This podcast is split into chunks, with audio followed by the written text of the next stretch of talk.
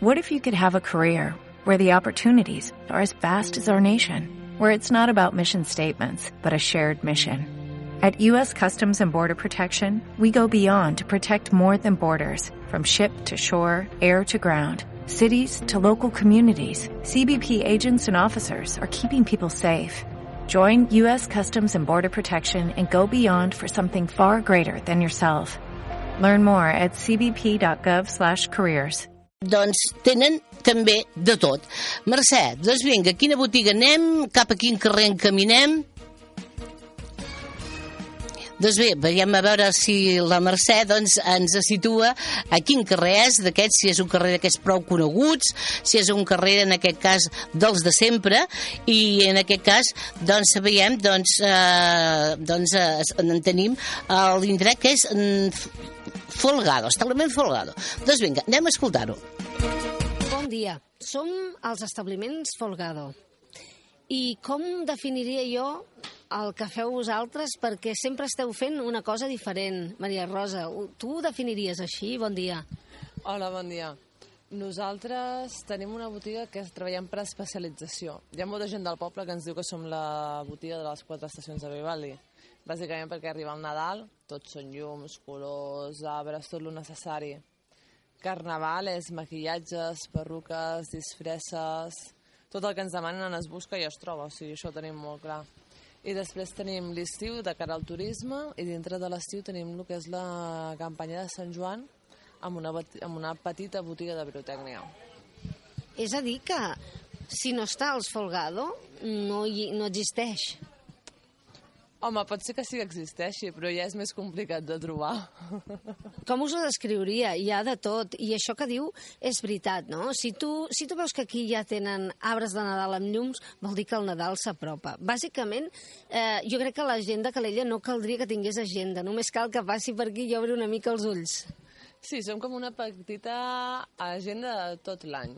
O sigui, nosaltres, per exemple, el que és la campanya de Nadal no les comencem al mes de desembre, sinó que comencem sobre el 15 de novembre, més, més o menys ja tenim obert, perquè sí que és veritat que hi ha molta gent de dintre del poble que fins al desembre no munta el Nadal, però clar, el que són hotels, decoracions, botigues, aquesta gent ha de muntar abans amb la qual nosaltres normalment mirem d'un mes i mig abans ja tenir la botiga organitzada. I a més a més feu una altra cosa que jo abans, quan, quan he vingut, li deia, eh, si passes per aquí davant, i jo hi passo habitualment perquè m'agafa de, de camí a casa, eh, les veus amb el canvi d'estació, i les veus perquè aquí manen les dones.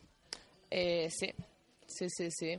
Ho van començar els meus pares, estaven tots dos i amb el temps pues, jo i les meves germanes hem anat pujant i ens hem criat a dintre de les botigues amb la qual avui en dia sí, manem les dones a Can Folgado, som majoria.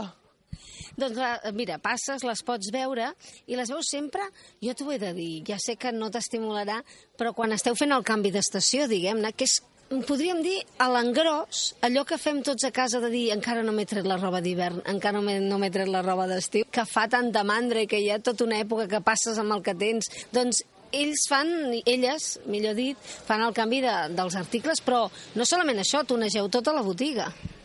Sí, nosaltres la veritat és que ja no és no només treure el gènere i tornar-lo a posar, sinó que, per exemple, si a l'estiu la majoria de roba i articles van penjats, per Nadal hi ha molta estanteria, amb la qual s'han de col·locar les estanteries, has de treure els pals, col·locar ferros, eh, moure parets... Feina és, és, és molta feina, la veritat. Però bueno, ho fem encantades. Nosaltres ja avui en dia podem dir que som especialistes en mudances. O sigui, no tenim problemes en muntar i desmuntar caixes. Podríem dir, quan, per exemple, quan, quan tardeu en fer un, un canvi? Ara imaginem que s'està acabant l'estiu, aneu a canviar, amb quants dies, quantes hores necessiteu per canviar això? Nosaltres normalment mirem de tardar un màxim d'uns 15 dies, no més. No, mirem de fer-ho el més ràpid possible.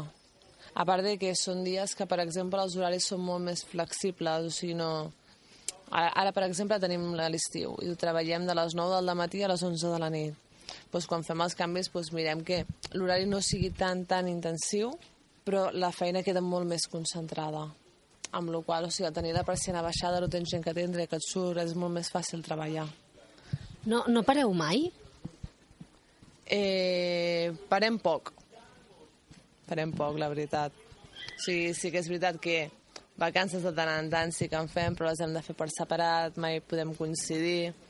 Quan coincidim realment, o sigui, ha de ser algo super excepcional, o sigui, ha de ser que diguem, bueno, eh, aquest any, per exemple, vam fer vacances tots junts perquè era l'aniversari del meu pare i vam decidir fer una, una setmana junts de vacances, però en un principi no, la botiga sempre està en funcionament déu nhi on no parar, sí que és veritat que passes per aquí davant i sempre, sempre, hi, ha, sempre hi ha activitat. Ah, M'explicaves tot el que veneu depenent de, de l'estació de l'any, ja us he dit, sou una agenda, no? Sou l'agenda de, de Calella. Què és el que més veneu? O què és allò... Anem per, per parts. Mm, què és el que, el que més veneu, el del que més profit en traieu? De quina estació n'esteu més satisfets econòmicament? Doncs la veritat és que jo crec que de ninguna de totes, o sigui, nosaltres o sigui, no podem comparar eh, unes estacions amb unes altres, perquè realment és que no tenen res a veure entre elles. O sigui, treballar, treballem amb totes, no... És que no, no hi ha una que diguis em quedo amb aquesta, no. I el que més veneu, què, què és? Home, et puc dir que per Sant Joan són els petardos.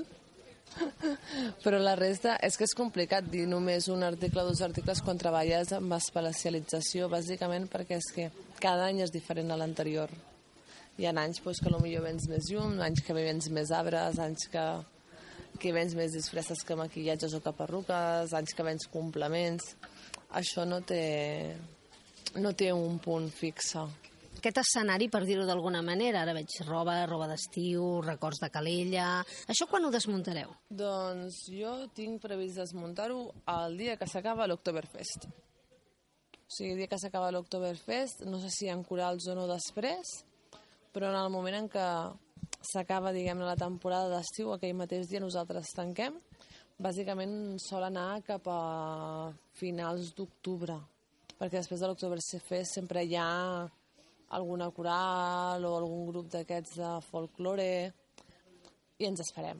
Ens esperem perquè tenen el mateix dret a tenir botigues obertes que els que venen al mes de juny o juliol o l'agost. I llavors ja estem, ja anem abocats a Nadal, pràcticament. Sí, nosaltres sí, abans del dia 1 de novembre de, comencem a desmuntar i el 15 de novembre obrim amb el Nadal. No tenim... Tenim normalment unes dates que per nosaltres li diem dates límits d'obertura i llavors sempre mirem pues, el complir-les. Abans em deies que tu eh, t'havies criat aquí, no? Perquè et deia, quants anys porteu aquí? I tu m'has dit, home, més de 30, perquè, perquè jo he nascut aquí, aquí, com aquell qui diu, no? En 30 anys deus haver vist moltes diferències a la botiga, a Calella, en els clients. Com, com recordes llavors i com és ara? Home, jo m'he criat realment a dintre de les botigues, sí, Sí. Els meus pares porten 40 anys amb les botigues, jo en tinc 33, amb la qual jo crec que la meva germana gran, quan va néixer, la meva mare ja les portava. A veure, 40 anys, eh, déu nhi és treballar molt, això, és molta feina. Heu, heu canviat moltes vegades. I com ha evolucionat? Éreu, sempre heu estat així o com heu anat canviant? Perquè heu, heu, deveu haver anat evolucionant amb els temps, no? Quina frase més típica però necessària.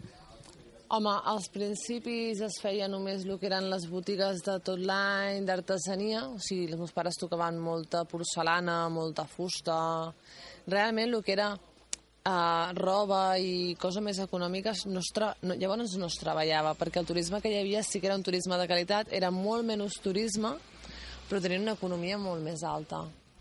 Arrel de que això anés canviant, nosaltres també vam anar modificant les botigues i llavors va ser quan es van començar a fer les campanyes, perquè nosaltres dèiem, els meus pares van veure que era una que dintre del poble realment eh, podia, es podia treballar i podien anar sortint i podien treballar tot l'any, no, només, no només les temporades d'estiu, perquè viure només d'una temporada d'estiu durant tot l'any és molt dur. O sigui, econòmicament no es fa tant com per dir, bueno, jo puc viure i sobrevisc amb una família, tinc tres nenes, hi ha escoles, hi ha molts de gastos. Sí, sí, segur que la gent que ens escolta n'és conscient. Llavors veu anar mm, evolucionant, no? Ara em parlaves, ara has tret un tema, jo deia, com heu evolucionat vosaltres, em parlaves del, del tipus de turisme. Com és ara el turisme? Ostres, és molt, molt, molt, molt diferent a el que hi havia abans Des de, I ja no t'estic parlant de quan els meus pares eren, eren més joves i tenien les botigues el que arribaven a vendre. En els últims 15 anys, 20 anys cap aquí, realment el turisme ha baixat molt. El poble també treballa molt per tenir un turisme que es qualifica en turisme d'alta qualitat. Però realment es fan molt poques coses en el poble perquè aquest turisme hi sigui, en opinió personal, eh, diuen, bueno, anem a portar molt de deport... anem a fer molt de deportista, molt d'això. Fins a quin punt és bo per, també pel comerç? Pels, pels hotels és molt bo, però a nosaltres ens arriba gent de deport aquesta gent es gasta molts de cèntims, es gasta molts de cèntims en inscripcions, en menjar, però no en comprar regals, no en gastar dintre del poble. Hi ha molta gent que diu, ah, és que el turisme aquest jove és molt escandalós, és molt... Sí, però aquest turisme jove, sigui, no parlem de nens, que n'hi ha molts, eh? i els nens realment no són bons per ningú. Però d'una mitjana entre 18 i 25 no tenen una economia molt alta, però sí tenen una economia que els hi permet comprar alguna cosa, o hi ha algun regal. Clar, perquè vosaltres aquí teniu coses econòmiques maques, que les pots portar a casa quan tornes i, i que són un record d'aquí, no? I, i, I que, vaja, que, que te'n pots endur, pots omplir la maleta, no?, amb, amb poc. Sí, sí i no. A veure, nosaltres una que tenim molt clar és que eh, ens volem desmarcar molt de lo que té la resta de botigues. O sigui, la meva botiga hi trobaràs alguna que pots trobar a la resta del poble? Sí, però també mirem de buscar coses que la resta no tinguin. Clar, perquè també teniu articles diferents eh, que són d'un altre estil. Abans em parlaves de, de les figures, no?, per exemple. Sí, per exemple, fa uns anys enrere els meus pares venien el que era fusta en talla de mà, que era fusta artesana, d'aquestes peces d'avui en dia, o sigui, jo en continuo tinguent a la venda. Uh, és un regal, però és a un nivell econòmic bastant més alt. Després tenim el que és la porcelana de la nau, que és dintre de la casa Lladró, o uh, peces del Nadal. Són coses que ja són més explícites, són més específiques i més exclusives. Jo ficar-me amb algun negoci que realment, o sigui, m'he d'estar discutint amb tots els veïns, no ho faré pas. No, no em surt a compte. M'agrada viure i m'agrada viure tranquil·la. I després, durant l'any, potser sí que ve més gent del poble, no? Per exemple, per Carnestoltes, per Nadal, sí que abans em parlaves també dels hotels, sí, sí que compra més la gent del poble aquí. Sí, en aquí sí, sense cap tipus de diferència. O sigui, nosaltres el Nadal i el Carnaval el tenim enfocat a la gent que viu a, a Calella i a la zona. Tenim molta gent que ens ve del poble, que ens ve de, de Pineda, de Malgrat, de Santa Susana. Després tinc clients que venen des de Barcelona perquè algun hivern han passat per aquí, han vist la botiga i venen, venen. O sigui, tot el que és al redador realment eh, és amb el que treballem, que és, que és la gent que viu aquí tot l'any. Com, ja per acabar, com ho veus en el futur? Que, com et veus d'aquí a 5 anys, 10 anys, no sé, perquè ara ja 10 anys és, és moltíssim sempre, però com, com creus que, que pot evolucionar tot plegat? Home. O com, perdó, com t'agradaria? Ostres, m'agradaria, m'agradaria moltes coses. Però, siguent realistes, jo crec que mentre la gent econòmicament ara pugui començar a aixecar el cap i començar a sortir, jo continuaré amb el que estic fent. O sigui, és un negoci que nosaltres anem enfocats a la gent d'aquí. O sigui, a l'estiu no, perquè realment has de, has de treballar, però el que és a l'hivern, nosaltres sí. Nosaltres, o sigui, estem a la plena disposició del poble. I si necessiten qualsevol cosa, només han de venir, demanar-ho, saben que no tenen cap tipus de compromís, se'ls hi busca, se'ls ensenya. I realment espero poder continuar durant molts anys així. És l'esperit dels pares, aquest també, no? Sí, sí, sí, és el que ens han inculcat des de petits. Per tant, una mica ens, anem evolucionant amb els temps, però, però la manera de fer sempre és la mateixa. Un, una, ser propers i, i una mica servir no, a la gent. Sí, a veure, això és el que ens va ensenyar el pare i la mare i realment és el que ens ha quedat i és el que ens agrada. O sigui, és estar amb la gent, estar tranquils, estar contents. Eh, la meva parella diu que hi ha vegades que aquí no venim a treballar, venim a patar la xerrada amb la gent del poble perquè sempre hi ha algun veí que es para. i és el que realment a nosaltres ens agrada i ens satisfà. Molt bé, doncs ja ho veieu.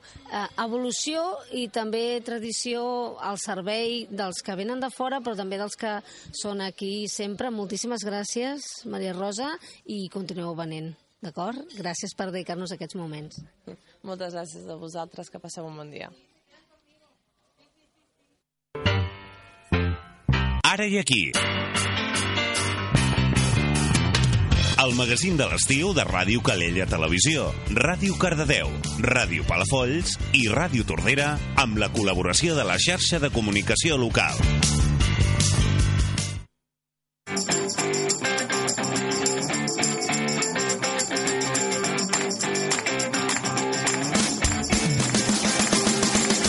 Doncs bé, dos quarts de deu, molt interessant doncs, aquesta entrevista que ens ha fet la Mercè d'aquesta botiga que podem trobar a Calella, Folgado, i que bé, doncs eh, tenen pràcticament de tot. Mercè, no sé si podem afegir alguna cosa més eh, d'aquí. Doncs mira, això que és molt curiós si voleu anar-ho a veure. Mm, Saps quina època de l'any, jo ho deia, saps quina època de l'any bé toca? Perquè veus que es mouen i, i comencen a, a canviar paradors, fan una feinada, ho hem de dir, qui passi per... I pots trobar de tot allà, eh? Absolutament de tot. Jo a vegades he pensat, calla que entraràs i et podràs comprar tu mateixa. molt bé, no? Molt bé, molt bé. M'agafaré una versió més nova, per això. Sí. Escolta'm una cosa, però si es casa ve ser com un d'aquests basars eh, xinesos o japonesos, però mm, No. d'aquí, no? No? Sí, d'aquí, sí, però diguem que el que es ven és de qualitat, perquè, per Sí. exemple, tenen figures de lladró, diguem. Ah, val, no? val, val, val, val, sí, sí. sí, sí, no. No és exactament igual, és a dir, que pot haver de tot, però no. Amb una qualitat, doncs, de- És de qualitat, per exemple, Sí. quan venen disfresses, quan, quan ve l'època del carnestoltes, eh, les disfresses que venen són... A veure, no són de... Vaja, que no són de 5 euros, Val, val, però val, val. perquè tenen la qualitat que no és, de, no és aquesta, diguem-ne, no? Mm-hmm. Que, a veure que hi ha públic per tot, eh? perquè al cap i a la fi li poses al nen i es fa un forat la, Sí, sí, sí, la, bueno. la disfressa, però vaja, que no. Que les pots fer servir durant l'any després que els nens es disfressen tot l'any. La meva filla, per exemple, s'hi disfressa tot l'any i la pots fer servir sense, sense cap mena de problema. Perfecte. Mercè, ens tornem a trobar. Moltes Fins gràcies. Ara. Fins dos, ara. dos minutets que passen de dos quarts d'onze, patim una petita desconnexió i tornem de seguida. Ara i aquí, el magazín de l'estiu de Ràdio Calella Televisió, Ràdio Cardedeu, Ràdio Palafolls i Ràdio Tordera amb la col·laboració de la xarxa de comunicació local.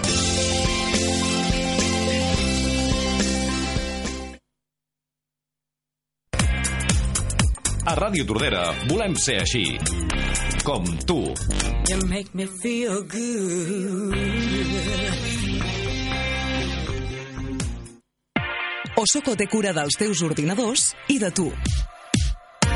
Perquè venen a casa a reparar-te l'ordinador i si se l'han d'endur, te n'ofereixen un de substitució. Perquè analitzen i assessoren en les necessitats informàtiques de la teva empresa i perquè imparteixen formació per tu i els teus treballadors. Osoco Serveis Informàtics. Venta, manteniment, projectes i formació. Carrer Puigverd 24. Telèfons 93 765 19 14 i 622 07 19 14. El menú més saludable de Tordera el trobaràs al restaurant Danus. De dilluns a divendres trobaràs el menú diari per 10 euros i mig i el mig menú per només 8 euros. I els caps de setmana trobaràs el menú per 15 euros. I per sopar pots venir des de les 7 de la tarda fins a les 12 de la nit. A més, podràs gaudir de tots els partits de futbol i de la nostra terrassa per a fumadors. Restaurant Danus, al carrer Ausias Marc 3 del veïnat de Sant Pere de Tordera.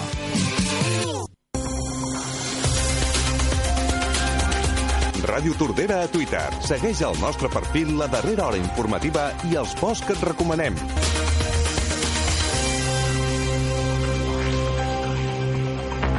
Ràdio Tordera a Twitter, la ràdio més immediata.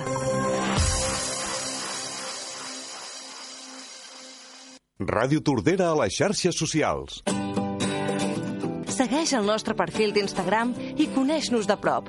Què fem, com som i com és el nostre dia a dia. Ràdio Tordera a Instagram, la ràdio en imatges.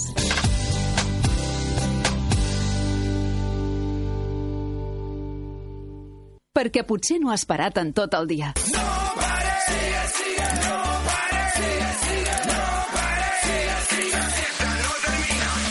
perquè potser avui no acabes d'agafar el son.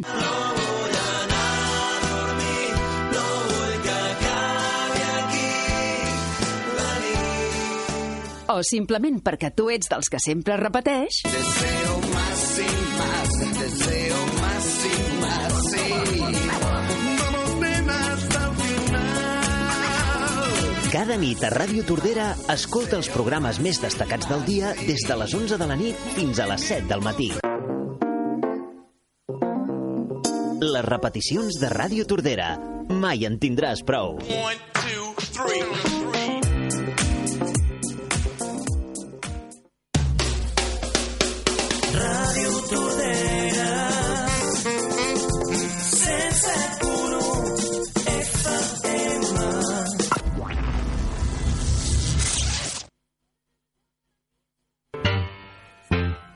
Ara i aquí. El magazín de l'estiu de Ràdio Calella Televisió, Ràdio Cardedeu, Ràdio Palafolls i Ràdio Tordera amb la col·laboració de la xarxa de comunicació local.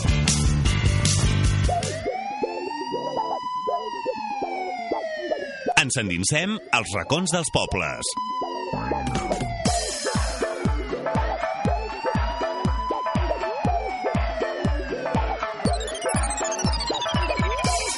Bé, sí que ens endinsarem amb un racó, perquè en cas no serà un racó, perquè serà doncs, una zona prou àmplia eh, on tenen Cardedeu i doncs passejarem amb els nostres companys en Mateu Camps i en Jordi Casals perquè amb ells doncs és com si anéssim caminant, eh, anirem coneixent un tant més aquesta població. Doncs bé, eh, sortim d'un i a on ens posem, companys? Doncs mira, Rosa Maria, com que per nosaltres ja és l'últim racons de poble que fem, volem parlar ni més ni menys que del centre de la vila de Cardedeu, un Molt bé. espai que visitareu, visitareu sí o sí, si passeu pel poble. Parlarem de la seva història, sobretot, perquè té coses eh, a destacar. Cal dir que mentre fèiem la recerca per fer aquest reportatge hem trobat coses que ens han sorprès, més que res perquè som nascuts entre el 1994 i el 1995, potser 1993. Uh, I hem trobat imatges en vídeo de com estava la plaça l'any 1992. I us hem de dir que no tenia res a veure. I ho podeu consultar al nostre canal de YouTube, de fet, si busqueu Petites Batalletes 135, val? que és el nom del programa aquest que recorda eh, emissions antiques de la tele i les posa a l'actualitat i per, per veure el canvi de fet abans de parlar d'això anem a posar-nos en context pels que no conegueu el centre de Cardedeu Aquest espai el trobem dividit en quatre places. Si anem per ordre d'est a oest, trobarem primer la plaça de Sant Corneli, seguida de la plaça de l'Església, una mica més avall hi ha la plaça Anselm Clavé i per acabar la plaça Sant Joan, també coneguda entre els visitants, entre els vilatans, com plaça de l'Ajuntament. En total tenim vora una hectàrea i mitja de terreny i és on s'hi concentra tot el nucli antic del poble. En aquests espais és on té lloc el nucli de Festa Major de Cardedeu. No sé si recordareu que en parlàvem fa mm, de, parlàvem de, de dos escenaris, el Garito i el Polvorí. Doncs bé, el Garito sol ocupar les places de Sant Corneli i l'Església i el Polvorí porta la seva festa a la plaça de l'Ajuntament.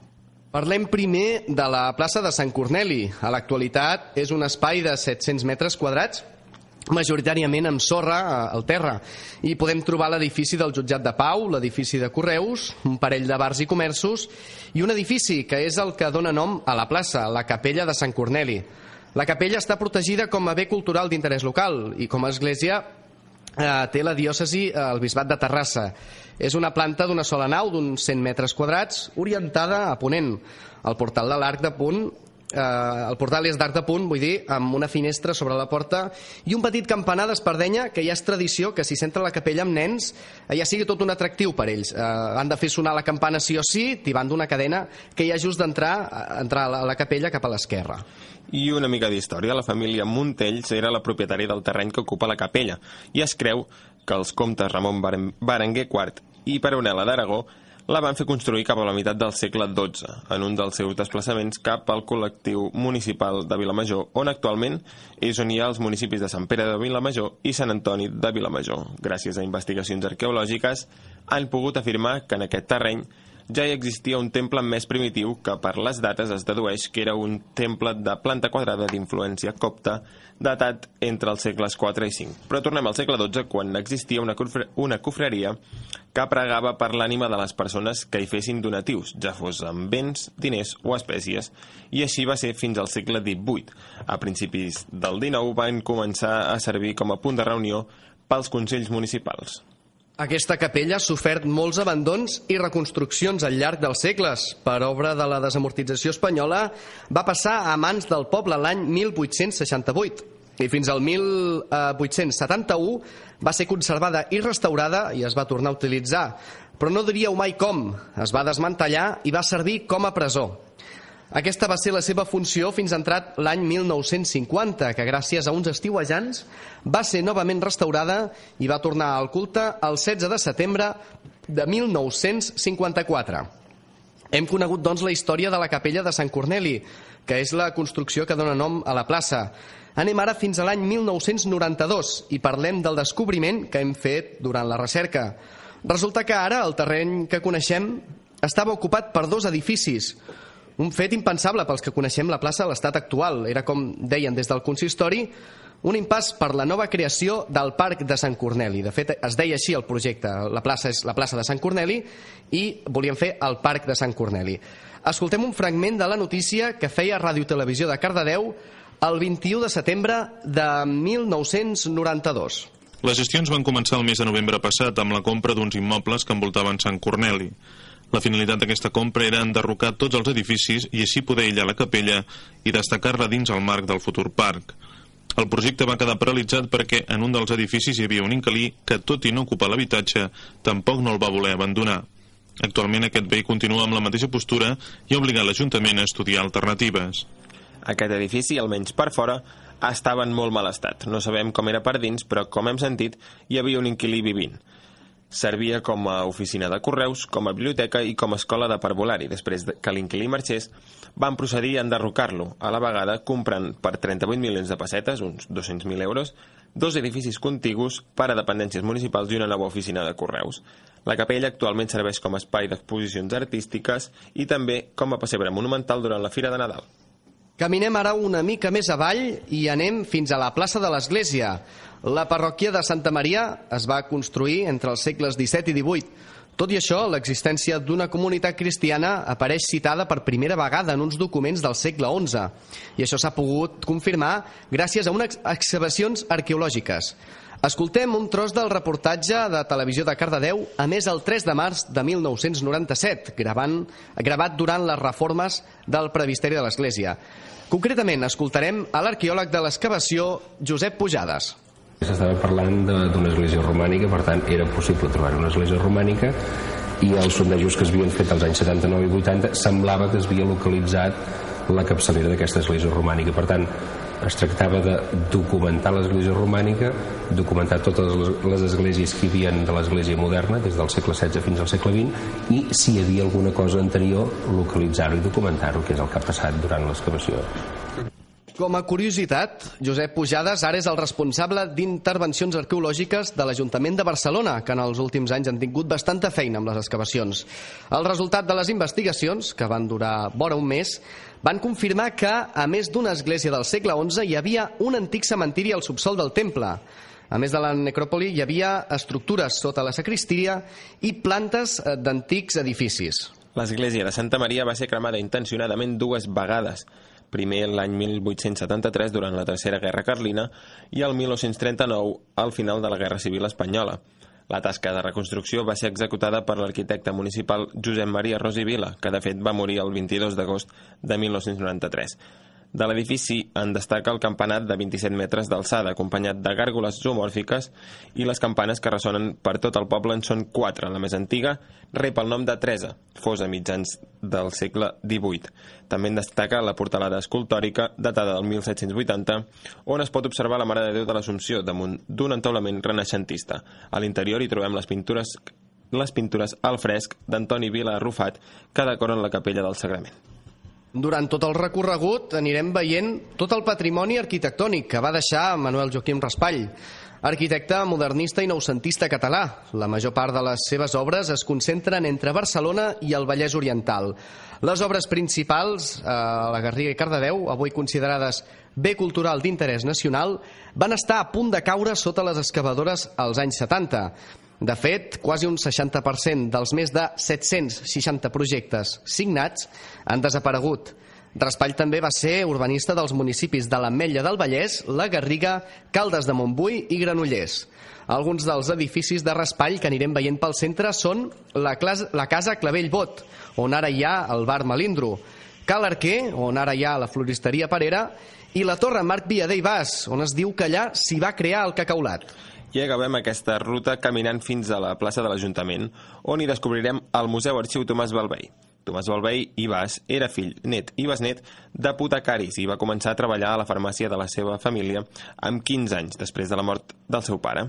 Era de les persones que viuen pel seu ofici exclusivament centrat en la millora de les condicions de vida dels cardedeuencs, però no només això.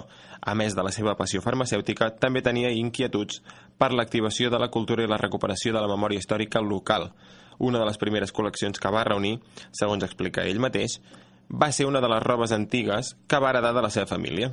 Va continuar amb col·leccions de pergamins i de documentació antiga, restes arqueològiques, elements arquitectònics, elements arquitectònics, ceràmiques i fotografies. L'herència es troba ara al, Muse al Museu Arxiu Tomàs Balvei. I què hi ha de l'edifici? Eh, Doncs es tracta del Casal d'Aurella, situat entre els edificis i torres de principis de segle XX, de caràcter eclèctic i dedicades principalment a l'estiueig. L'edifici està reformat per adaptar-lo internament als temps actuals, però mantenint les decoracions, els paviments i els elements singulars. Ara per ara, si voleu passar, us recomanem que entreu dins del jardí, perquè en si mateix és una exposició més del museu. Concretament, és de plantes remeieres. Uh, D'això ens en parla la Teresa Blanc, directora del Museu Arxiu Tomàs Balvei. Volem també una mica explicar la importància dels jardins amb les cases d'estiueig. I finalment explicarem quin tipus de plantació o de plantes remeieres són les que tenim en aquest jardí, però sí que les identificarem una per una. Eh? O sigui, cada planta, doncs la Maria Lluïsa tindrà el seu, indica, el seu identificatiu i per altre cantó volem també eh, continuar donant la informació de que expliquem una mica no només el nom de la planta, tant el nom col·loquial o popular com el nom científic, sinó també els usos que aquesta planta té i algunes anècdotes que són anècdotes pròpies de la zona, a la zona en què estem nosaltres, al Vallès Oriental, que serien anècdotes més relacionades o vinculades amb l'àrea del Montseny. Per nosaltres és molt important perquè és com una sala més d'exposicions del museu. El museu és un museu que la seva, el seu objectiu principal és un museu de salut i benestar. Tenim una de les farmàcies rurals més antigues d'Europa, molt ben conservada, i per tant les activitats sempre van entorn d'aquesta temàtica, no? que seria la temàtica central del museu. I el jardí, evidentment, és una part importantíssima, per tant, una sala més d'exposicions. No? Un dels elements més singulars i destacats del fons del museu és la, la farmàcia Balvei, que, com hem dit abans, és l'herència de Tomàs Balvei i de la llarga nissaga de farmacèutics del municipi. L'exposició es troba a la segona planta, acompanyada pel llum original i d'altres elements procedents de laboratori, com balances, retortes, morters, ampolles i matalassos. I per avui, Rosa Maria, ho deixaríem aquí. Cardedeu té moltíssims racons més i podríem dedicar un programa sencer. Però avui hem volgut fer esmena dels més coneguts que formen el centre de la vila i els que es veuen sí o sí quan un hi passa per allà. Perfecte, ha estat molt i molt interessant i bé, doncs realment també eh, amb el buscar amb, amb anys molt enrere, no? Doncs també sí. fa que potser doncs, creï molt més l'atenció. Gràcies, companys, fins ara. Fins ara. Doncs bé, ens anem caminant, són pràcticament 12 minuts que ens falten per arribar a les 11 del matí. Estem doncs caminant en aquesta segona hora del magazín Ara i aquí, Ara i aquí coproduït per les emissores del Maresme i també la del Vallès, com és Cardedeu.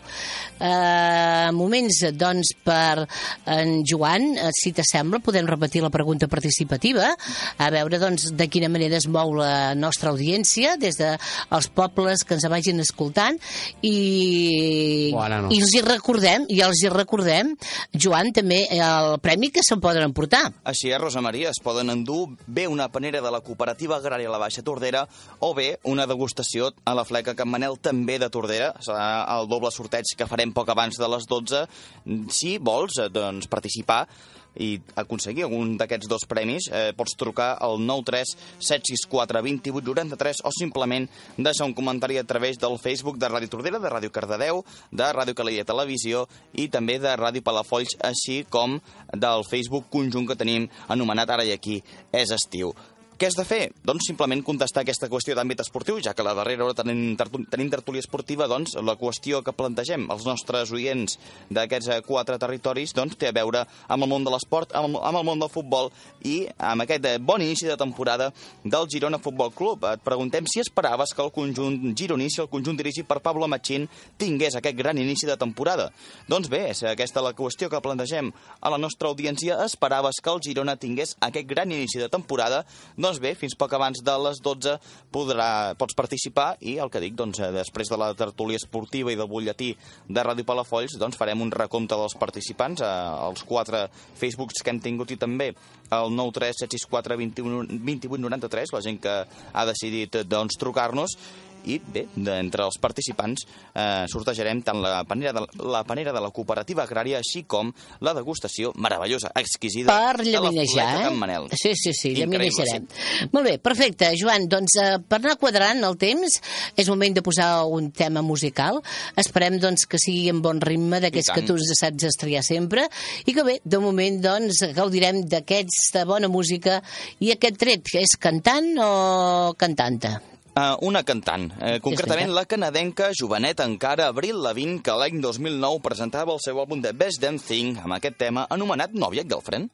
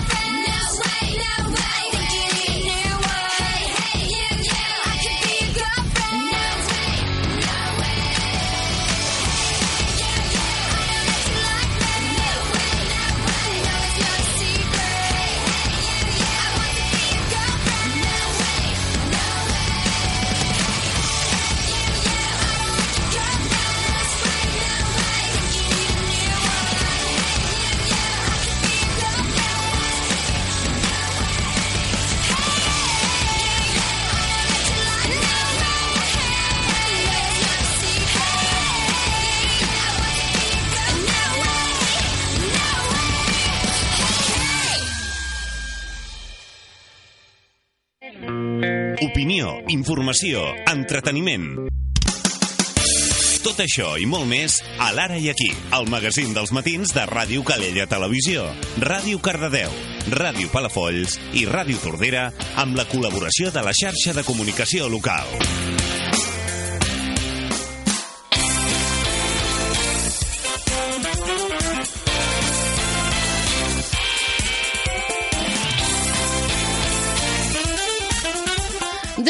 Més moments per posar un bon eh, doncs, eh, número, tema musical, que doncs, el nostre company Joan ja amb tantes ganes d'estar aquí a la ràdio, està il·lusionat, està encantat, i bé, doncs ens els presenta amb aquest bon caire. Efectivament, molt feliç, Rosa Maria, per anar-nos-en més a prop del Canadà. Afortunadament ens anem cap a Saragossa per escoltar el duet Amaral, l'Eva Amaral i en Juan Aguirre, que presentaven l'àlbum Pájaros en la cabeza de l'any 2005, doncs dient que no queden dies d'estiu i és una mica el que està passant ara. Per tant, anem a escoltar aquest clàssic Dies de Verano. Quedan